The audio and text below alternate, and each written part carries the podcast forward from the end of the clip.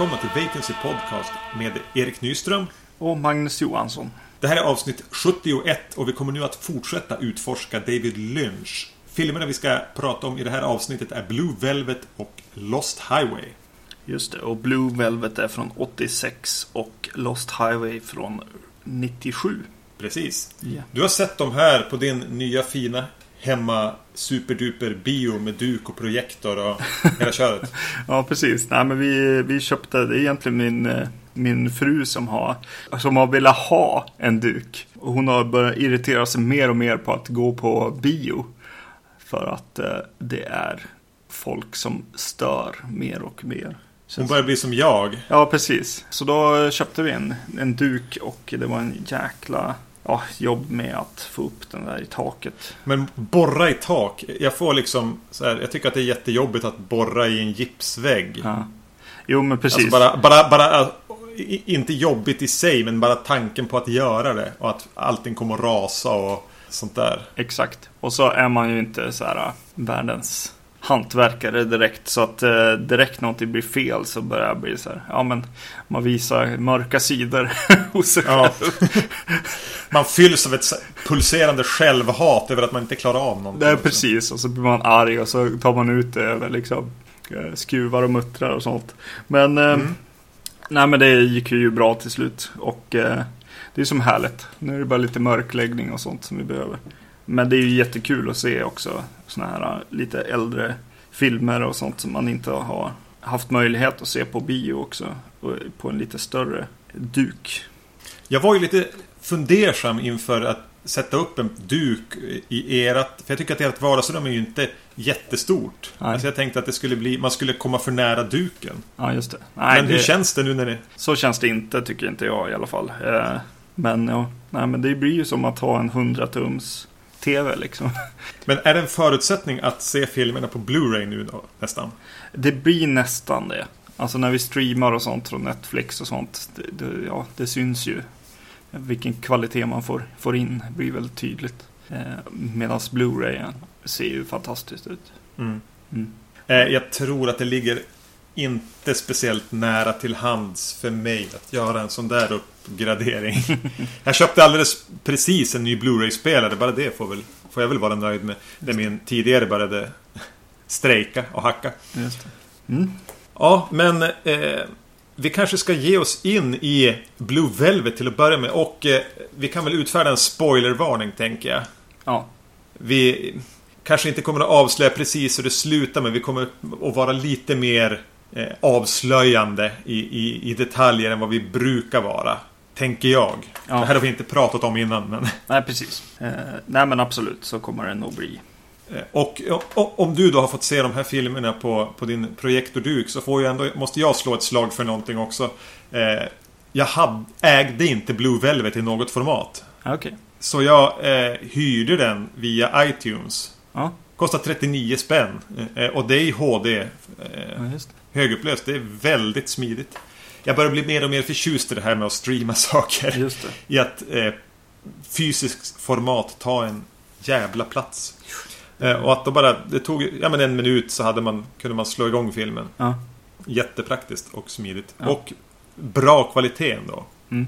Ja, det är härligt att det finns som alternativ.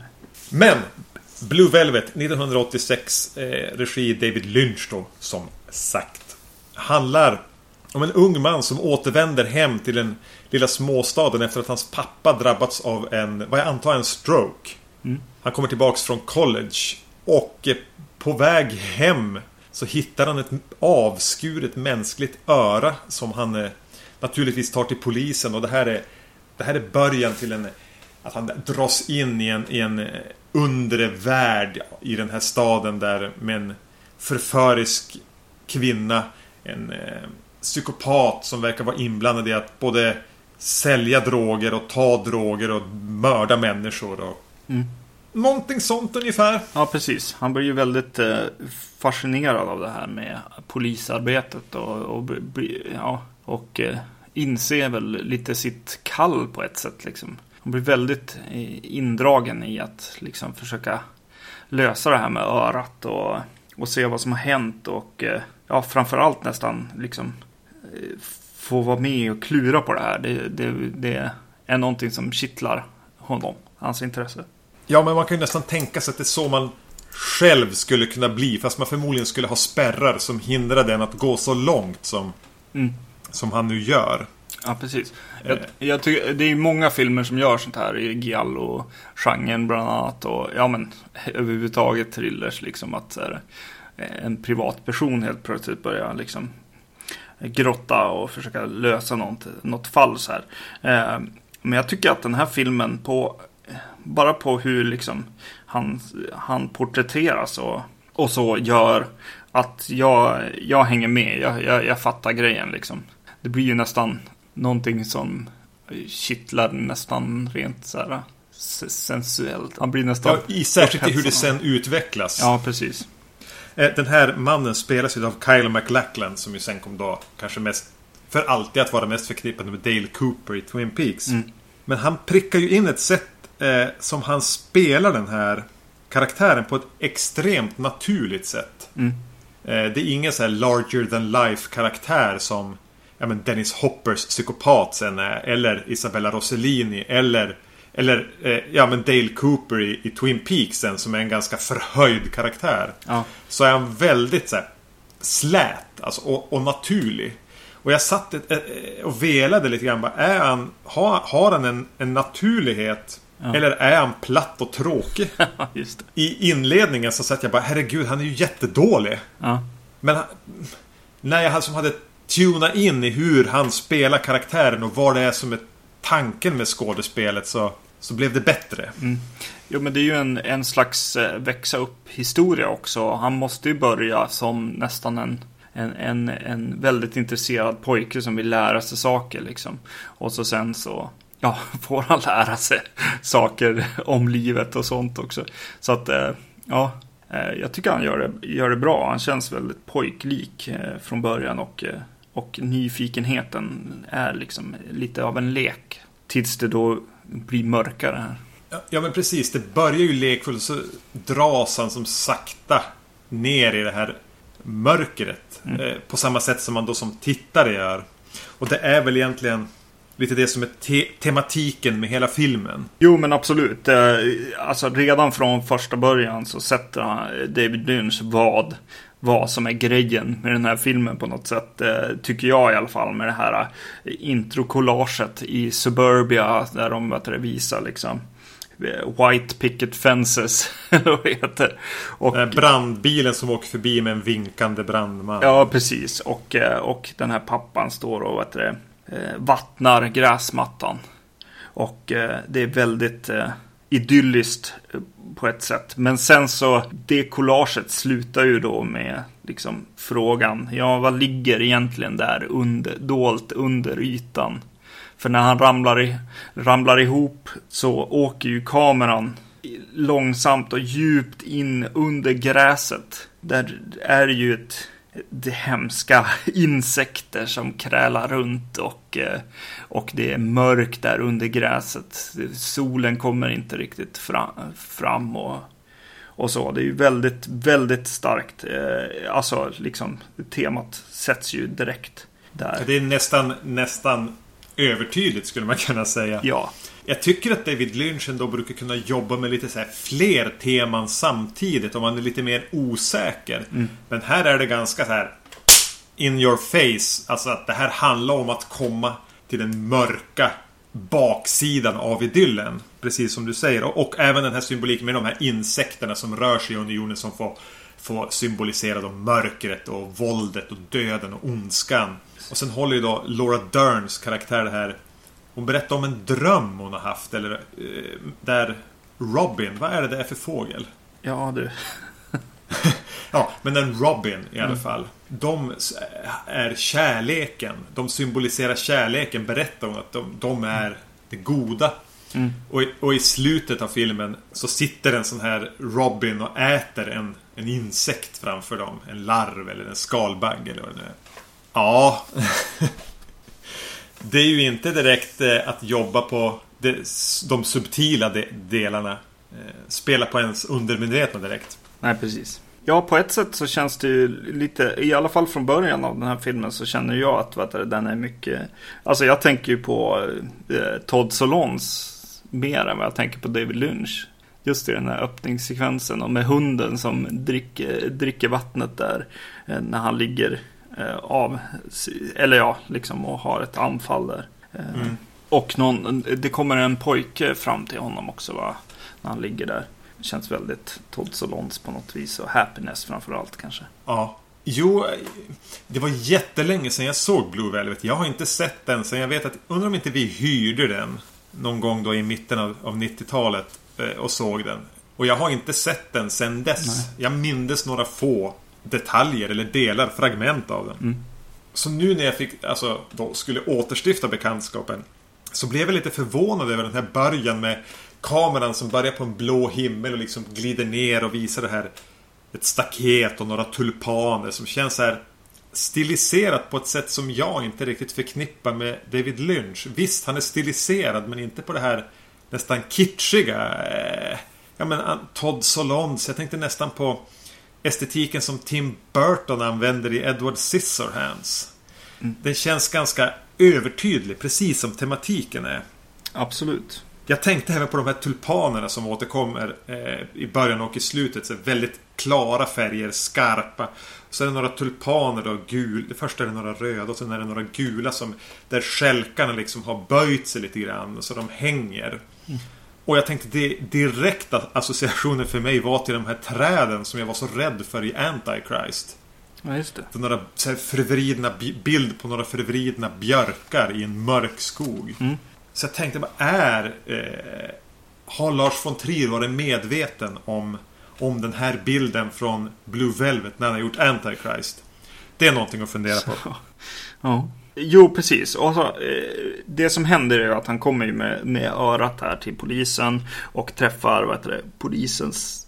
Eller han går hem till polisen för att han vill börja veta mer. Hur har det gått i fallet i princip?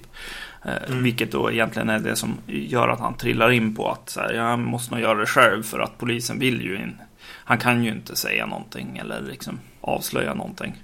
Men, men då stöter han på Laura Derns karaktär, som är Laura Dern som vi redan har nämnt här.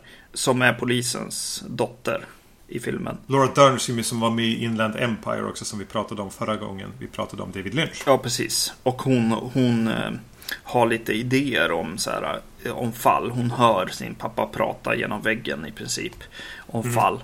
Uh, och så när hon presenterar liksom det här mystiska som det kan, kan eh, ha med att göra det här örat. Eh, att, eh, att en sångerska bor i en lägenhet och är lite under liksom polis, polisen känner till henne helt enkelt och, och undersöker grejer eh, kring henne. Eh, saker som hon kanske har gjort eh, och så känner jag i alla fall i dialogen. Ja. Och eh, Laura Dern säger då en, en rolig grej som jag verkligen som jag tog med mig in i fallet så att säga. Eh, I just den, den dialogen när hon presenterar det här.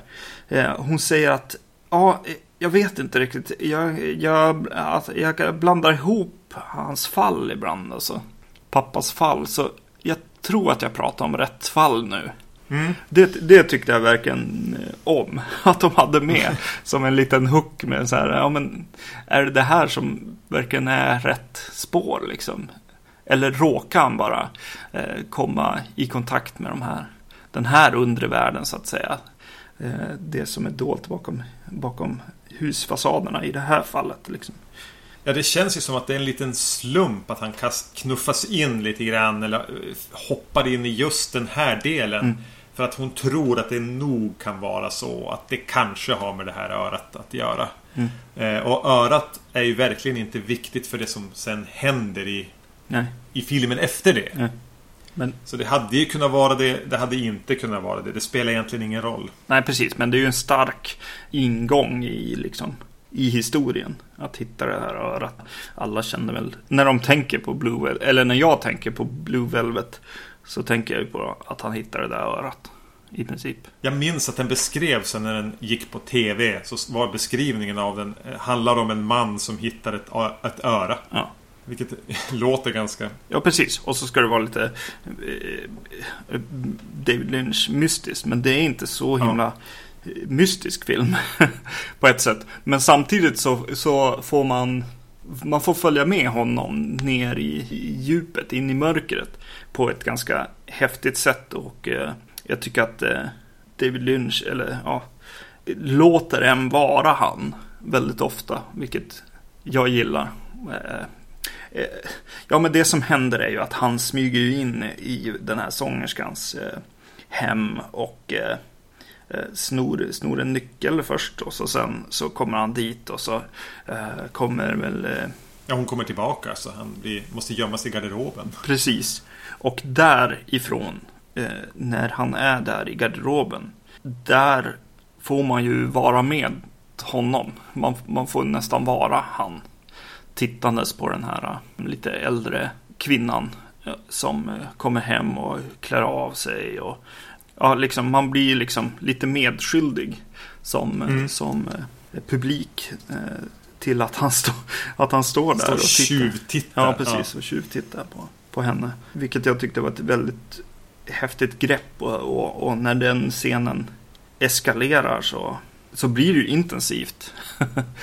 och eh, Ja, men det blir den här känslan bara Fan har jag försatt mig nu då? Mm. Eh, känslan. Alltså den här ja, besvärliga ångestkänslan av att vara i en situation som man verkligen inte vill i och hur ska man ta sig ur den? ja, precis. Ja, jag tyckte hela den, den, den biten är väl det starkaste ändå i, i filmen. Först liksom när hon kommer hem, han är gömd. Bara den liksom tjuvtittar liksom sekvensen så att säga. Och så sen, sen så hittar ju eh, hon eh, honom. Och eh, Mm hotar honom med kniv och eh, den scenen är väldigt intensiv och, och stark. Och, och man, man märker ju att hon har, hon har problem i sitt liv. Vilket, ja, sen igen liksom presenteras då som Ja men det, den bara eskalerar ju och så kommer ju Dennis Hopper in och gör sin intensiva scen. Ja, men det är väl den som är omtalad när Dennis Hopper dyker upp Mm. här och är Dennis Hopper. mm, Eh, Det här var ju tydligen någon, någon slags comeback för han. Han hade inte gjort så mycket film på ganska många år när han fick komma in och spela den här skurk... Alltså, som på något sätt är den Dennis Hopper jag alltid tycker att jag ser. Så ja, jag antar att det var någonting helt annat om man hade varit med när det begav sig. ja, För han är lite intensiv, känns lite hög på kokain. ja, Lite knepig sådär. mm, Svär väldigt mycket. Många har ju verkligen hyllat hans eh, prestation.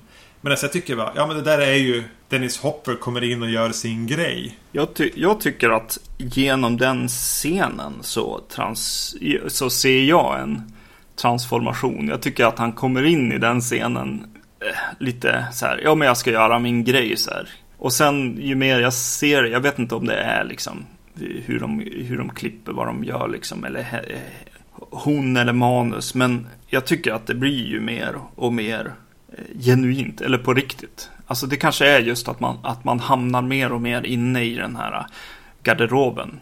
Och blir... Och, Peeping Tom. ja, precis. Och ser på det här som om det händer framför ögonen. Vilket eh, scenen inte börjar med lite. Utan där är kameran kanske lite mer ute i rummet och, och så. Men den blir ju... Ja, nej, jag, ty, jag, jag tycker att det, det är en, en stark och jobbig scen liksom ändå. Eh, men jag kan förstå liksom grejen och, och Dennis Hopper blir ju, är ju en, en karaktär i den här filmen så att säga.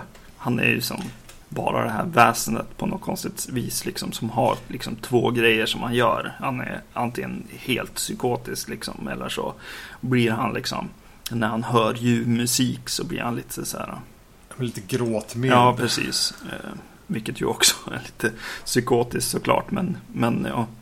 Du som brukar gilla lägenheter då, vad tycker du om Isabella Rossellinis lägenhet som de viktigaste scenerna egentligen utspelas i? Mm. Ja, man skulle nästan kanske inte vilja bo där men ha den som övernattningslägenhet. Mm. Ja, men det är ju... Ja, den, är häft... den är ju verkligen en... Den är ju väldigt designad. Mm. Men den är ju härlig på något vis. Eh, Den blir ju ett... En location, alltså ett ställe som har... Menar, en soffa som ser lite speciell ut och de här garderoberna som han eh, gömmer sig som är på stället där de är. Och eh, sättet man kommer in i lägenheten när man först är liksom bakom en, en liten vägg och sen liksom viker in i det som är den stora öppna delen av lägenheten. Mm. Den känns ju inte som den finns i verkligheten. Men den blir ändå någonting som är ganska... Som är väldigt Blue Velvet. Hela den här... Hur lägenheten ser ut. Ja, precis. Och allt som finns där inne berättar någonting också på något sätt. Eh, liksom den enda liksom, inredningen, eller vad- ska man säga, liksom alla pryttlar och sånt som, som finns är ju liksom hennes liksom, liv på något vis. Även om de, ja, de är få, det, det är ju en bit av, av pusslet på något vis också. Men eh, just att det är just bara, ja, det är den här Ja men LP-skivespelaren och vad heter det eh, Ett kort och eh, Mm. speldosehatt typ. Propeller. Ja. Ja. Och eh, jo men lite till åt, åt andra hållet finns ju någon till så här soffa som är väldigt så här ja men lite kärlekssoffa liksom. Ro- Romantisk liksom på något vis. Ja, ja. Eh, vad tycker du om Isabella Rossellini då? Absolut ingen skådespelerska egentligen. nej. Eh, för jag... Eh, jag har ingen jättestark relation till hon. Eh, man vet ju vem hennes föräldrar är och så. Men på något vis så... Och hon var ju me- mest fotomodell innan Blue Velvet. Mm. Men jag tycker hon kliver in och gör någonting ganska unikt. Alltså hon blir... Hon blir ju den här karaktären. Hon, det känns nästan som att det skulle kunna vara Isabella Rossellini själv som är den här utsatta, Mm. plågade kvinnan. Och jag tycker att hon ger så mycket av sig själv, eller vad jag tänker är henne själv, i den att det blir... För mig, det mest minnesvärda med hela filmen är just hennes... Både lite så här kantiga, men jävligt lyskraftiga rolltolkning. Jag vet inte ens om jag vill kalla det för skådespeleri. Det är snarare en eh, rolltolkning. Ja. Men hon kommer ju in och är väldigt, väldigt spännande och liksom gåtfull och ja, man vet inte riktigt vem hon är och, och så. Det tycker jag hon behåller bra i, i filmen och när det, när det liksom dyker upp vad som är liksom grejen som hon, som hon är rädd för och, och, och sådana saker så, så är hon ändå, alltså den karaktären är ju spännande på det viset att är hon så intresserad av det? Alltså är hon... Ja, alltså hennes... Ja, men om vi säger det då istället. Eftersom att vi har gjort spoilervarning och grejer. Det, det, det verkar som att hennes barn är borta på något Ja. vis. Och eh, det är som att hon kommer på sig att hennes barn är borta ibland. Känner jag så här. det är någonting som är... Hon kanske inte är världens bästa mamma heller. Nej, hon är ju en ganska typiska farliga kvinnan också. Ja. Som är dras på något sätt till mörker och våld och fylld av sex Mm. och lust. Och hela tiden mellan den här gråzonen mellan någonting destruktivt. Låter sexet. Hon vill ju bli slagen och hon, hon får ju verkligen representera allt som kan vara mörkt med något slags begär. Ja, precis. Eh, så här, mot bättre vetande så dras ju Kyle MacLachlans karaktär till den här kvinnan. Ja. Eh, och, och på något sätt, den återigen så blir den ju väldigt så här övertydlig. Men jag gillar ändå dynamiken mellan hennes så här, kaoskvinna som bara är typ sex och mörker. Och förtvivlan. Och då Laura Derns karaktär som har eh, drömmar om fåglar som symboliserar kärleken. Och är jättepräktig. Ja, och hon är ju alltså rent liksom grannflickan. Alltså Ja. rent i filmen i princip. Svärmorsdrömmen. Ja. De bor nära varandra till och med. Alltså hon är grannflickan på... Alltså, På mer än ett ja, sätt. precis. Eh, Jag gillar mycket av den här filmen. Jag tycker att det är, det är häftigt med mycket visuella saker och just att så här, ja men använd den här grejen med, ja men hissen är trasig. Du måste gå med trappen istället. Och så har ja. de en, en fantastisk trapp som går så här halv inomhus fast utomhus. Som är på någon slags, nästan som en liten bakgård fast Ja, det står soptunneln där längst ner. Och den är, mm. Fast det är, det, det, är ju som ett, en trapp i ett trapphus också. Och hur de filmar den första gången är ju så här bara, Man blir ju rädd att man ska ramla baklänges liksom i, i trappen. Det är helt, väldigt häftigt hur han, ja, men hur, hur han kan ja, men dra in henne i, i, liksom, i, i scener och, och vet vad som är lite skrämmande. Han kan göra lite skrämmande mm. av att gå i en trapp. Liksom. Och den här knyter ju an ganska mycket även till, till Razorhead. Den är på något sätt en ganska logisk utveckling av den och känns lite personlig. Och med tanke på att filmen han gjorde mellan den här var Elefantmannen och Dune. Mm. Som ju var en helt, helt andra typer av filmer. Så var ju det här en tillbakagång till det här konstigare. Men ändå inte jättekonstigt men mörkare som känns som att det kommer lite grann från någon personliga grubblerier eller våndor som David Lynch går runt och dras med. Eller saker han tänker mycket på. Mm. För mig känns den ju även väldigt mycket som en... Eh, ser man ju skisserna som sen skulle bli Twin Peaks här. Ja. I, i att, att... Visst, städerna är inte... Men de utspelar sig ju i samma universum på något vis. Alltså det här är ju en... Det här är en stad som ligger några, några hundra mil söder om Twin Peaks. Man ser till och med de här eh, lastbilarna med en massa timmerstockar åker ju förbi här. Ja, och de åker ju förbi ett café också. Eh, och ja. det hänger de här eh, stoppljusen hänger utanför det här kaféet. Och lastbilen, de, det var nästan kusligt liksom hur, hur likt det var. Och sen så sitter han i det här kaféet senare och, och pratar med, med Laura Dern. Och vad det, håller händerna så här, precis som, eh, som man gör i Twin Peaks när han ska liksom gå igenom no saker som har hänt. Liksom. just sådana polisarbetet, då har han just det där. Eh. Det blir lite obehagligt sättet man får en känsla av att David Lynchs hela Alltså från Eraserhead framåt så är det väldigt Alltså saker som återkommer. Mm.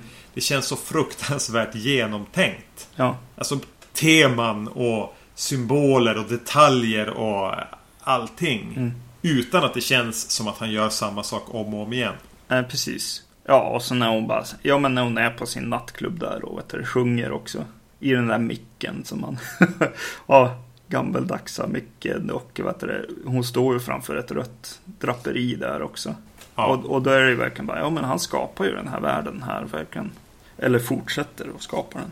Mm. Det är riktigt häftigt som, alltså det är ju sånt som liksom ja, musiker eller författare gör. När man gör film efter film så, ja jag vet inte.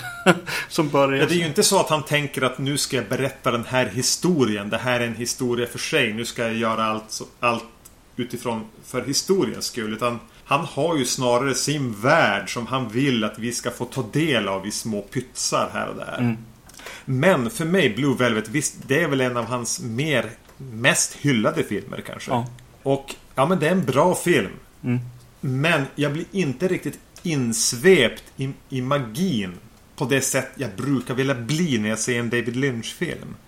Jag blir inte helt uppslukad och så rädd som jag brukar kunna bli. Ja, just det. Alltså, där jag nästan börjar ifrågasätta och bli rädd. Tänk, det känns som att filmen nästan kan leta sig ut i våran värld och börja så här, rucka på mina eh, cirklar ja.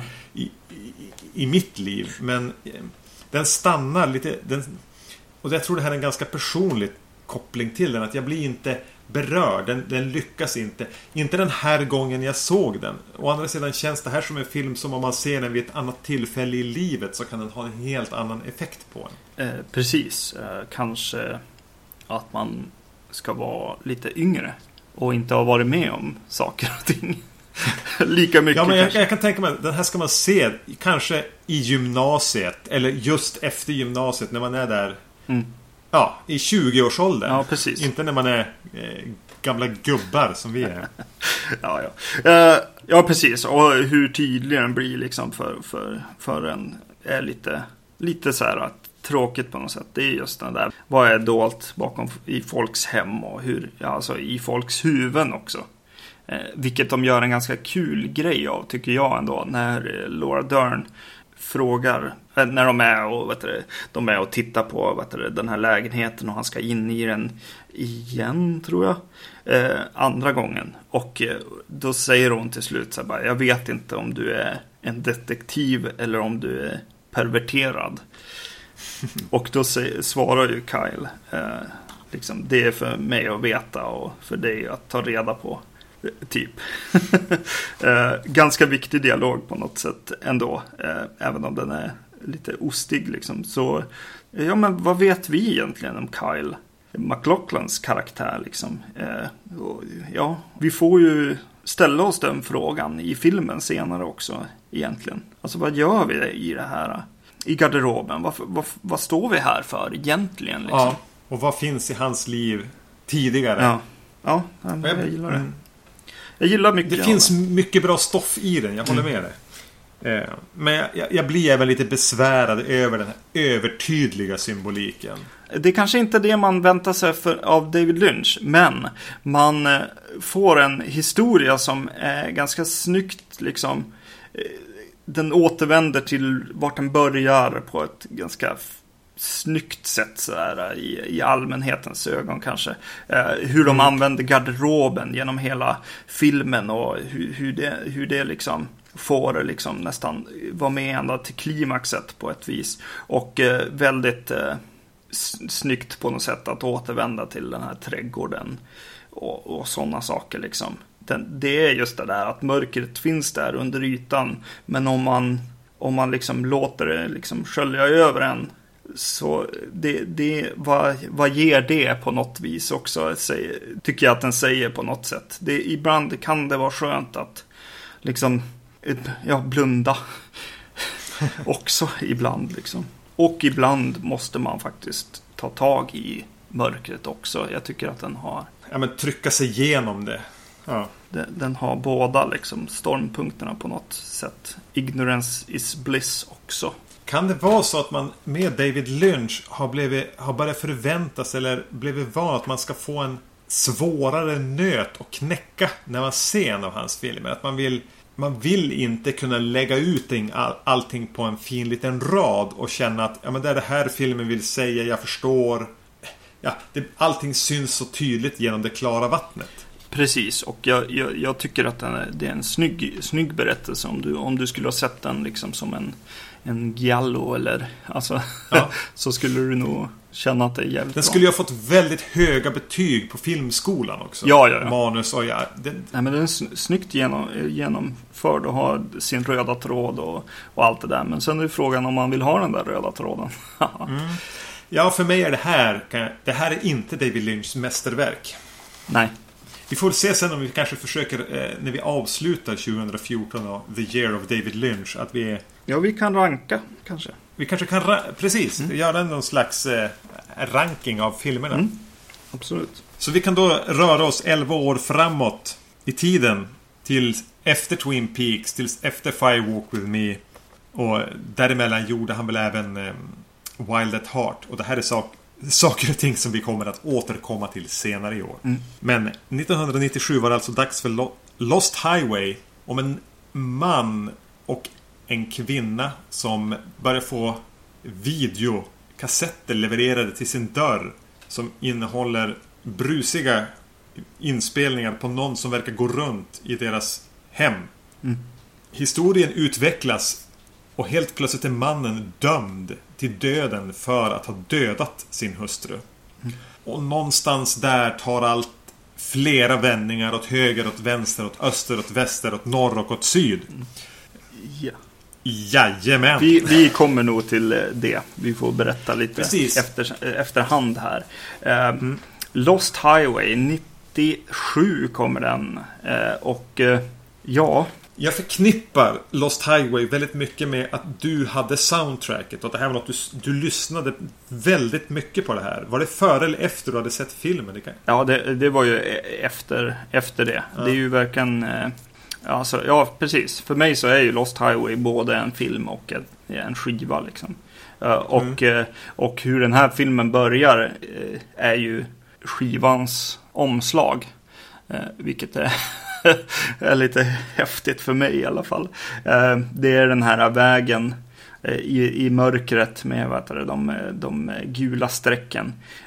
Någon kör väldigt fort och man ser bara vägen i strålkastarljuset. Var det David Bowie-låt? Och en David Bowie-låt, ja. Producerad då av skivans producent eh, Trent Reznor. Ja. Eh, som ju, Han är Nine Inch Nails. precis. Om det nu var någon som inte visste Ja, det. precis.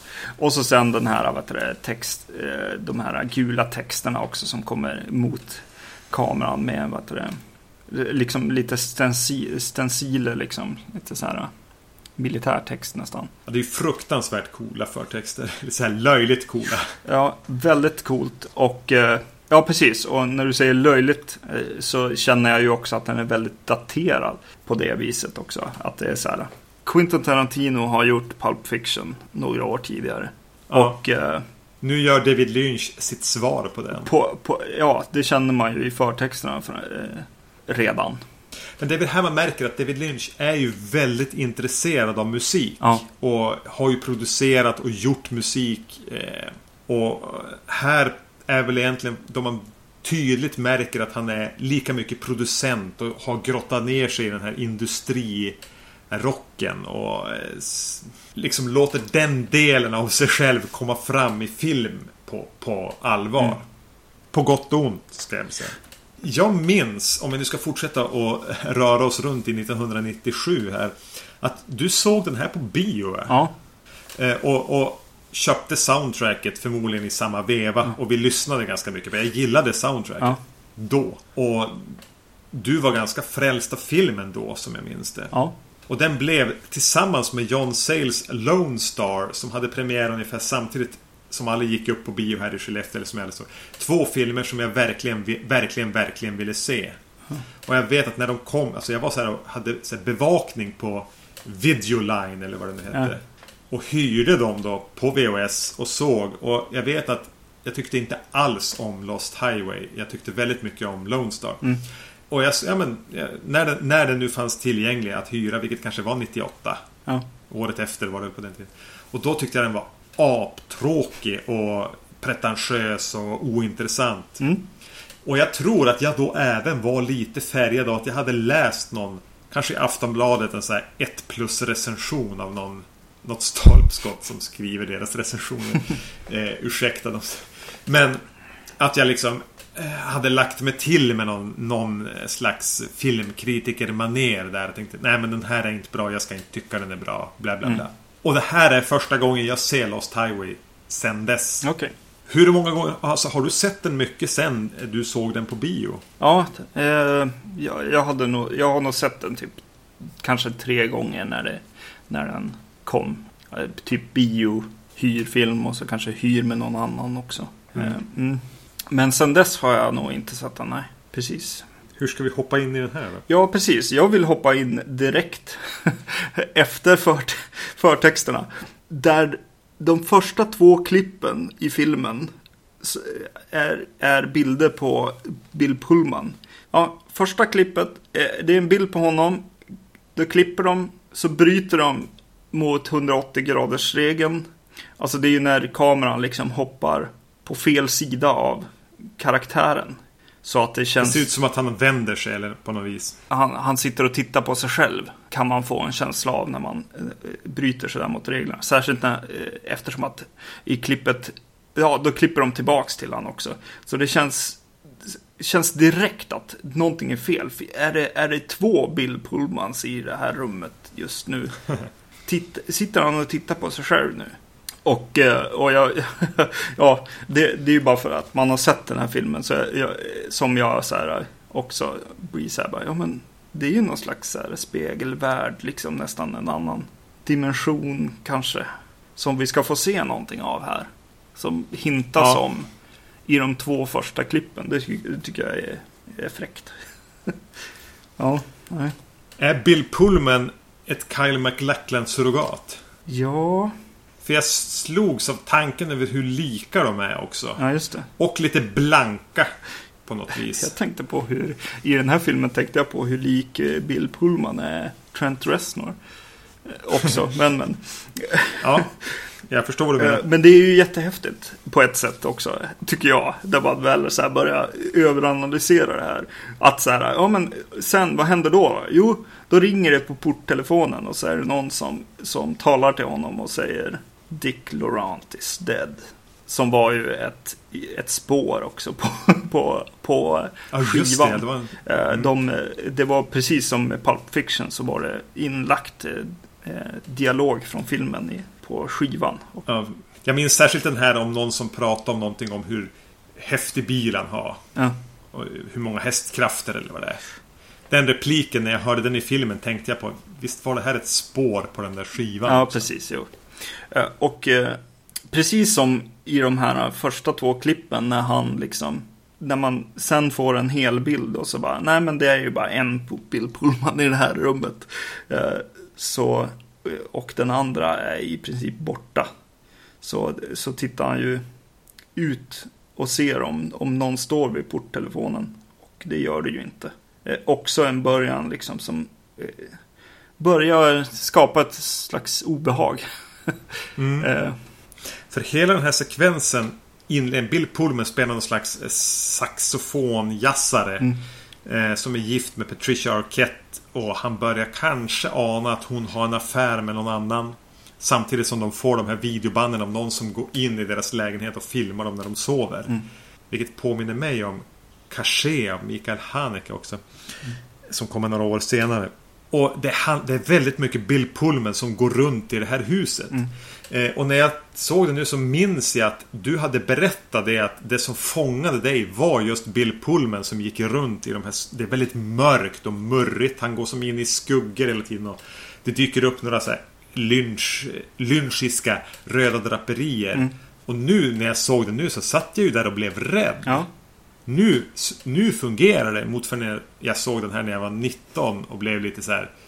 Ja men det här är ju inte filmkvalitet. Så var jag nu bara, fy fan vad obehagligt. eller hur?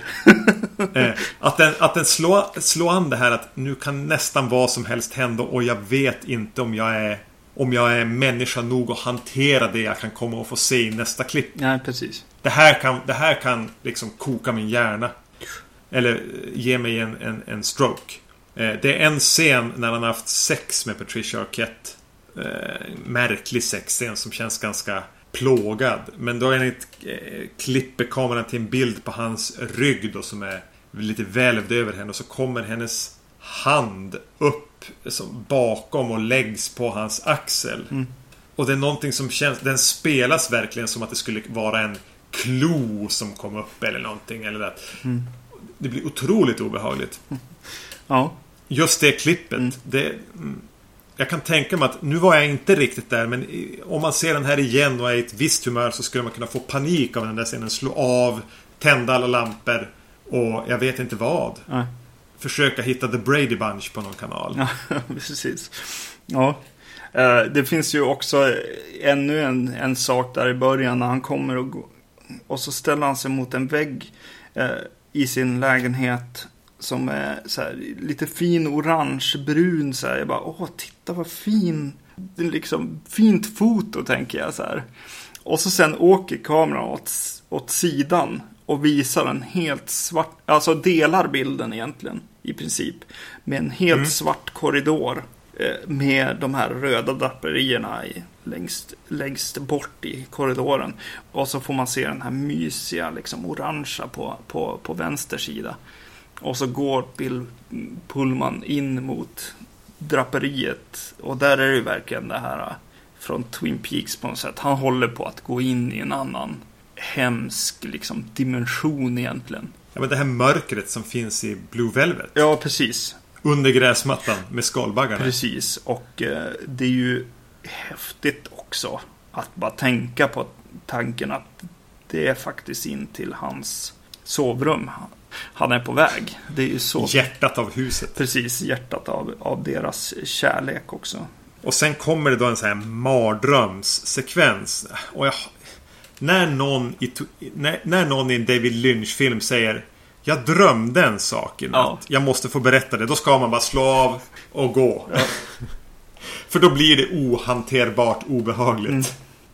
Eh, men och, och, eh, sen får man naturligtvis se den här jävla drömmen. Och då kommer ett kort klipp på deras öppna spis. Ja. Där det brinner ganska i, i de här stora vedklabbarna. Och här har han då ökat hastigheten på lågorna. Eh, I nio fall av tio så skulle det här kunna se hur löjligt ut som helst. Men det gör det inte. Utan det blir så här så obehagligt att jag inte vet om jag vill se vidare. På samma sätt som jag vet att jag kunde bli rädd i Twin Peaks av eh, bilderna på tallarna som sak sakta gungade i vinden. Tyckte jag var otroligt obehagliga. Precis som de här träden i Antichrist. ja, precis. Det blir ju helvetes eldar i princip nästan. Ja. Eh, Utan att det känns Marilyn Manson-video. Det, det, det är en tunn linje han, han vandrar på där det, där det kan kännas väldigt effektsökande. Men för mig så, så, så blir det aldrig det. Utan det blir verkligen Det här är det stoff som mardrömmar vävs av. Ja.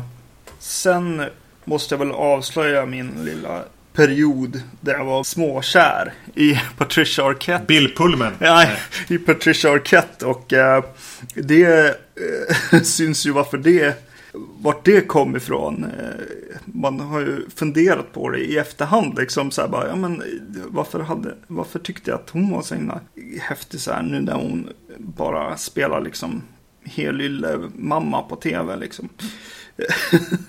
Men här är hon ju superhet, jättemystisk, sexig och farlig. Och just den här känslan av att hon, eh, ja om, det, om, om nu det finns så, det konceptet finns så är hon out of ja, typ allas lig på något Ja, vis. ja, men hon blir ju verkligen den här ikoniska Ja, fatale. det är ing... Hon får både vara brunett och blondin i den här också. Ja, precis. Är... Men jag pratar om den här första eh, historien här med Bill Pullman. Det är verkligen att ingen kan äga henne, känns det ju som. Och, och det är ju hela liksom Bill Pullmans problem i den här filmen på något sätt. Och eh, varför han, han, han känner sig ju helt liksom förstörd. Han, han är gift med den här kvinnan, men han, han inser ju att hon, hon aldrig kan vara hans på ett sätt liksom.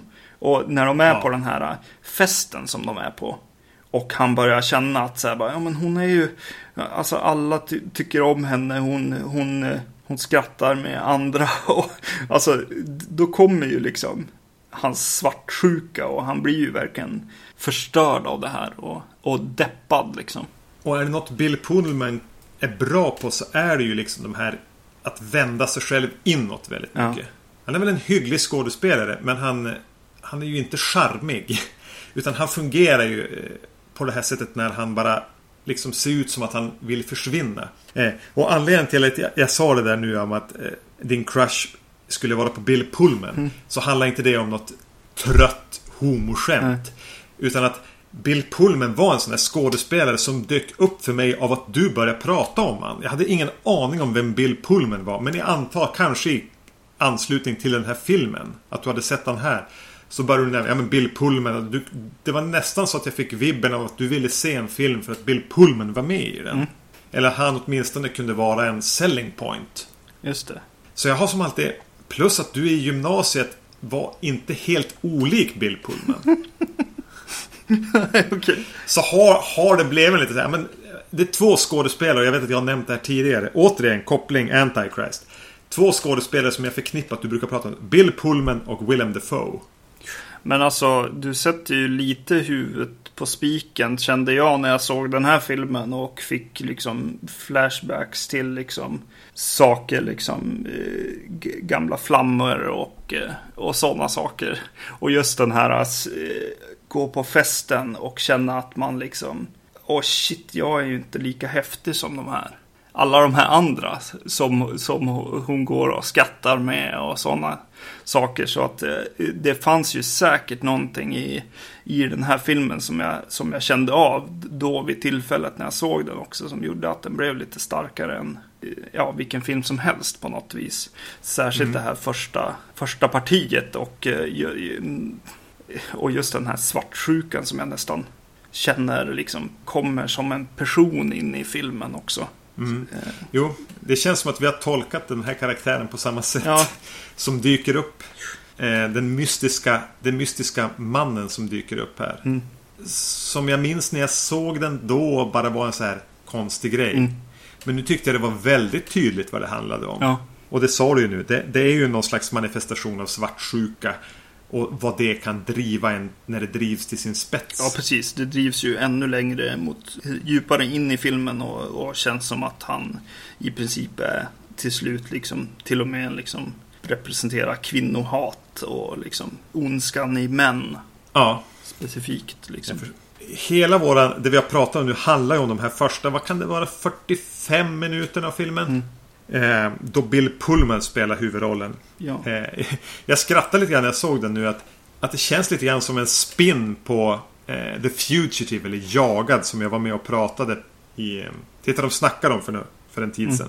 Att eh, han blir dömd för att ha mördat sin hustru. Man vet inte om han är skyldig eller inte. Men han...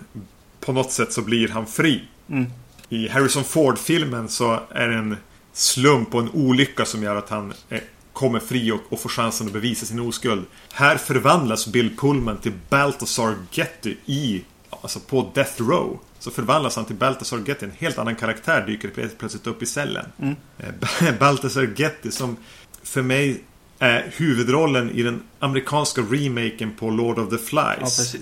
Jag, jag kan inte ens tänka mig att han ska ha gjort några fler filmer än den och den här. Nej, precis. Eh, nej, nej, lite så. Jo, men han har, han har ju gjort jättemycket filmer. Jag kollade upp honom också. Men nej, men det här är ju hans två stora eh, Ja. filmer som vi nämner nu.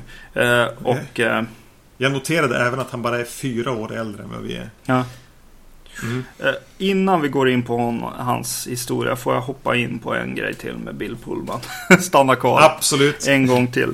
Eh, för att eh, råda bot på det här med de här två första klippen som jag pratade om. Så kommer de hem från den här festen. Och det som utspelar sig en ganska häftig scen. Eh, först, den börjar med, han har ju just pratat på festen med någon som säger då att jag är ju hemma hos dig.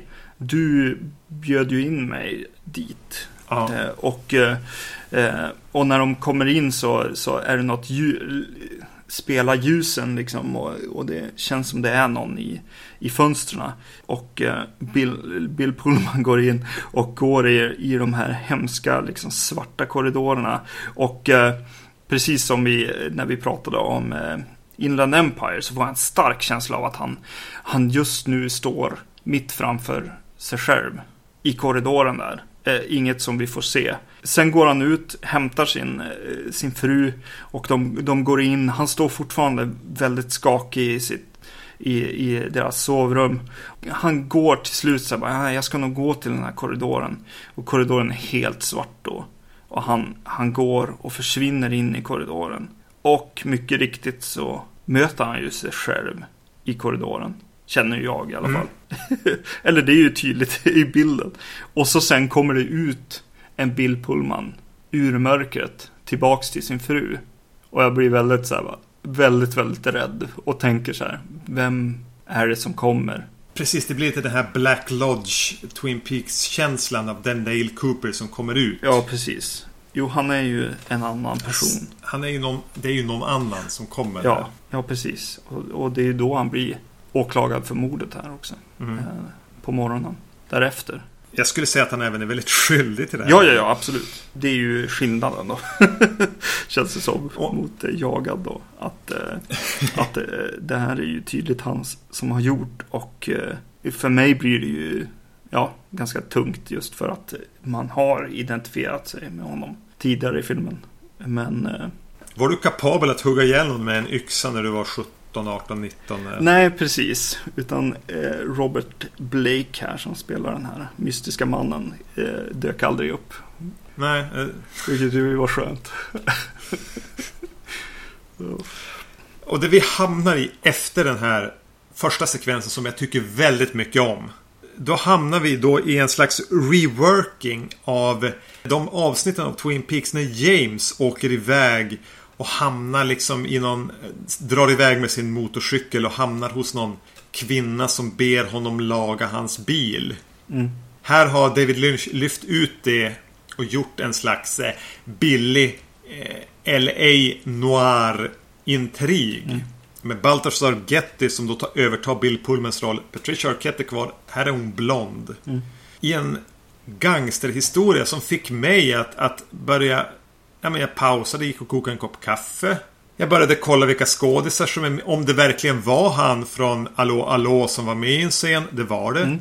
Lieutenant Gruber från Allo Allo är med i en scen tidigare. Mm. Jag, jag, tappade helt intresset för den här filmen. För jag tänkte nu när jag hade sett den här första delen att oj, det här är Lost Highways revansch ja. för mig. Och sen ska vi stå ut med den här jättetrista gangsterhistorien om då som verkar vara ett återkommande fascination för David Lynch med den här mannen som inleder en otrohetsaffär med en kvinna som han verkligen inte borde involvera sig själv med. En ganska sliten noir-klyscha som hanterades betydligt bättre i Blue Velvet. Och som var, när han valde att använda det i Twin Peaks, förmodligen var lågvattenmärket på hela den serien. Ja. Och som han även använde i Inland Empire. Han kan liksom inte sluta älta det här. Han gjorde det bra i Blue Velvet. Släppt, han skulle ha släppt det mm. där. Jo. För jag kan inte, jag, jag kan inte bry mig. Någonstans. Nej, precis. Nej, jag började eh, titta på det dyker upp lite skådisar som, som man vet eh, i den här historien. Och det enda jag började titta upp var ju så här bara, ja men de här måste ju ha liksom dött kort efter. Vilket ju var sant. Eh, det här är ju Richard Pryors sista film. Ja just det, han sitter ju i rullstol. Här. Ja precis. Det är en väldigt fin roll tycker jag som han har. Han, han eh, äger någon eh, verkstad som han jobbar på och eh, är väldigt, väldigt naturlig i sin, sin roll här. Och så sen eh, Jack Nance, han ju, alltså Eraserhead-skådisen och... Eh, det här måste ju vara... Var inte han död här redan? Ja, precis. Han dog innan den här filmen släpptes. I en väldigt tra tragiskt... Han råkade typ i bråk och fick en smäll på käften. Och gick hem och la sig och dog. Ja, precis. Någonting sånt är vad jag läste. På, på en typ donutbutik. Ja. Äh, väldigt tråkigt. Mm.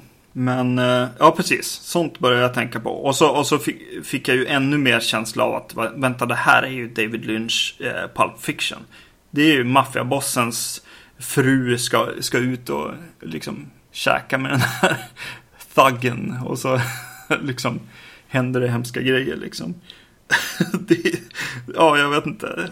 Referens. Ja, han är ju inte riktigt lika bra på att hantera det på ett intressant sätt som Quentin Tarantino var då några år tidigare. Utan här är David Lynch ute i de här områdena där han blir lite pinsam. Mm.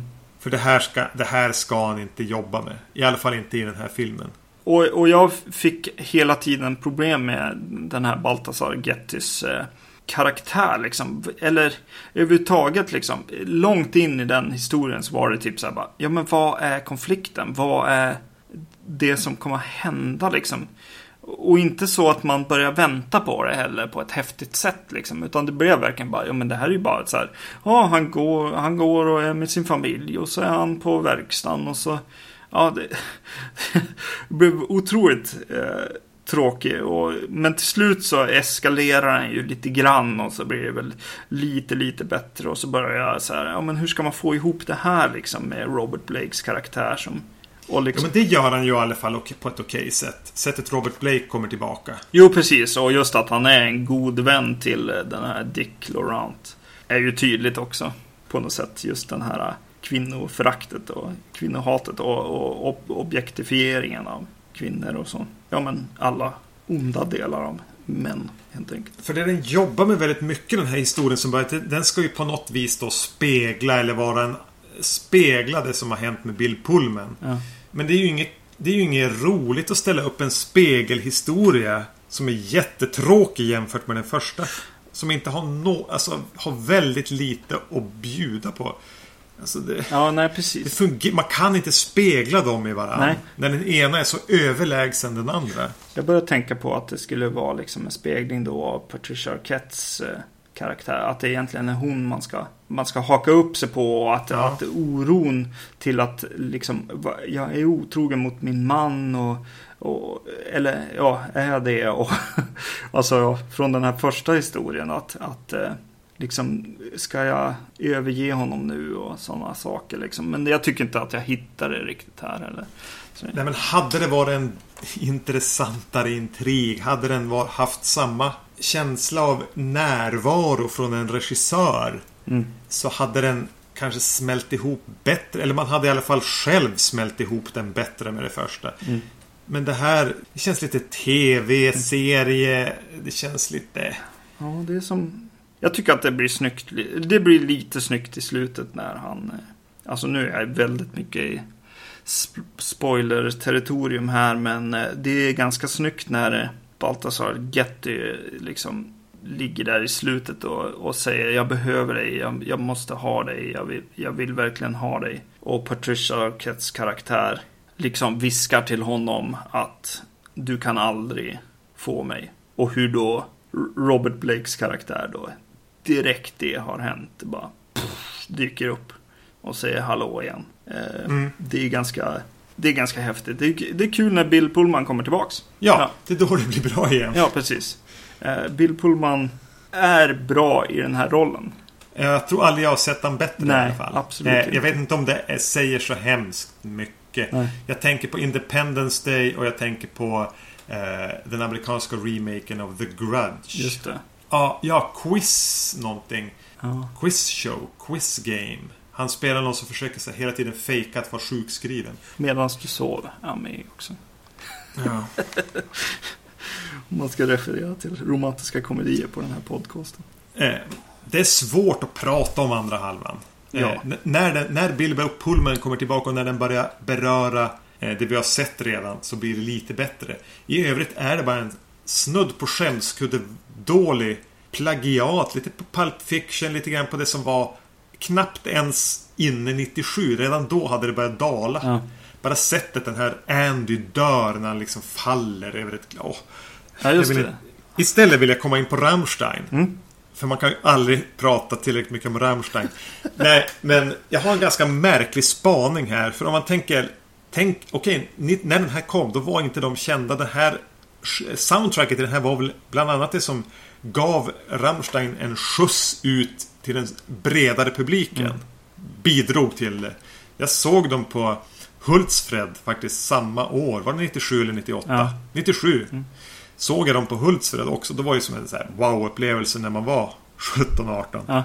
Men det som är lustigt är att jag har hört vad jag kan minnas Rammstein-låtar i, i, i filmer från tre regissörer. Ja. Och det är David Lynch, det är Lars von Trier och det är Lucas Moodysson. Ja. Det är inte McGee eller Nej. Brett Ratner eller Michael Bay. Nej. Vilka man tänker skulle kunna ta, komma dragandes med den här ganska fyrkantiga, enkla... Ja men den är ju lite grann... Deras musik är ju som en specialeffekt. Men det är ändå ganska creddiga regissörer som använder deras låtar i sina filmer och gör det på ett rätt bra sätt. Mm. Ja, precis. Ja, det är intressant. Vad är det med, med Rammstein egentligen? Ja, ja jag vet inte. Vi låter den frågan ligga hängandes där. Ja, precis. Eh, Jag tycker att eh, Marilyn Mansons, alltså valen på Marilyn Manson-låtar är också ganska intressant. Alltså det får vara de lugna och liksom, ja, lite ja, spännande, annorlunda låtarna tycker jag i alla fall ändå. Från dem. Men gud vad dåliga när han väl är med. Ja, jo. i någon kort sekvens i någon porrfilm. Fem sekunder i bild och lyckas ändå överagera och sticka ut och inte smälta in med resten. Nej, precis. Något som, vad heter han, Twiggy också ändå lyckas med tycker jag ändå. Mm. Ja, skulle jag låter bara han vara Ja. med. På något sätt känns det tur att vi inte såg Lost Highway tillsammans med Mulholland Drive som vi kommer att återvända till sen. Nej, På något sätt är de ju lite syskonfilmer. ja, jo det är de ju. Ja, vad känner du nu då? Känner du att Lost Highway fick revansch eller var det just att eller fick den? Nej, den var ju mycket bättre den här gången jag såg den just eftersom jag kunde ta tag i den här inledningen när det är obehagligt i det här hemska, hemska huset som Bill Pullman och Patricia Arquette bor i. Och det räcker, det räcker. Det är så pass bra, David Lynch har så pass mycket att komma med eh, när det gäller att skapa den där verklighetsförändrande känslan i de scenerna och att det sen får komma tillbaka lite grann mot slutet. För att jag ska vara nöjd med Lost Highway. Ja. För mig så blir den ju mycket sämre än vad jag minns den som. Av just det här partiet som, som verkligen bara var jättetråkigt. Eller blev jättetråkigt för jag såg ju ingen Jag såg inget som jag kunde haka fast mig vid liksom. Det fanns inget att relatera till eller, eller liksom Ja han hade ju ingen drivkraft överhuvudtaget den här Baltasar Gettys karaktär och jag, jag köper ju inte bara så här att dregla över en kvinna liksom på ett sätt. Du föredrar en mörkhårig Patricia Arquette framför en blond också. Ja, precis. Med lilla luggen och ja.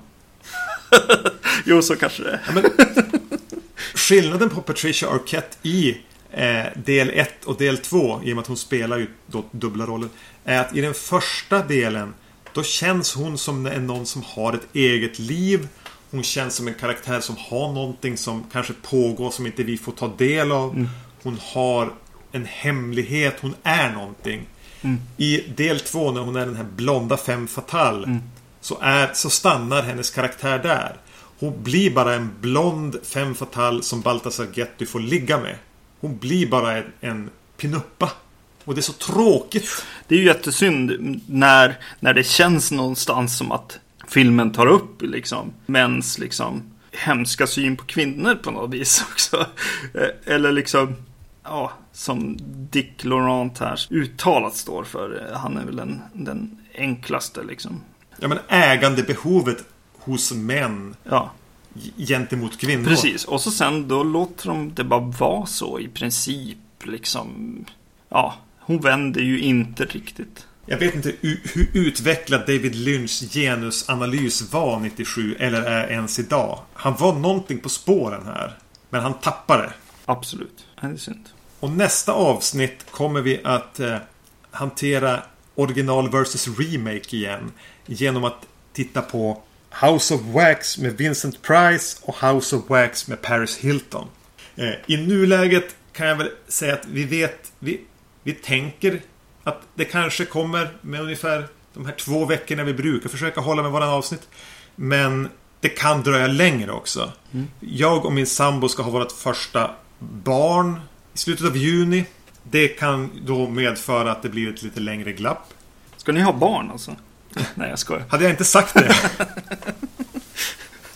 oh, det var härligt. Wow! Yes. Jo, det blir fruktansvärt spännande. Mm. På något sätt kommer det eventuellt att påverka podden men inte så att vi inte kommer tillbaka. Och när vi kommer tillbaka så kommer vi att, lalla runt i, ett, i lite olika vaxmuseum. Ja. Tills dess, vart hittar man oss? Ja, tills dess så hittar man oss på vacancy.se.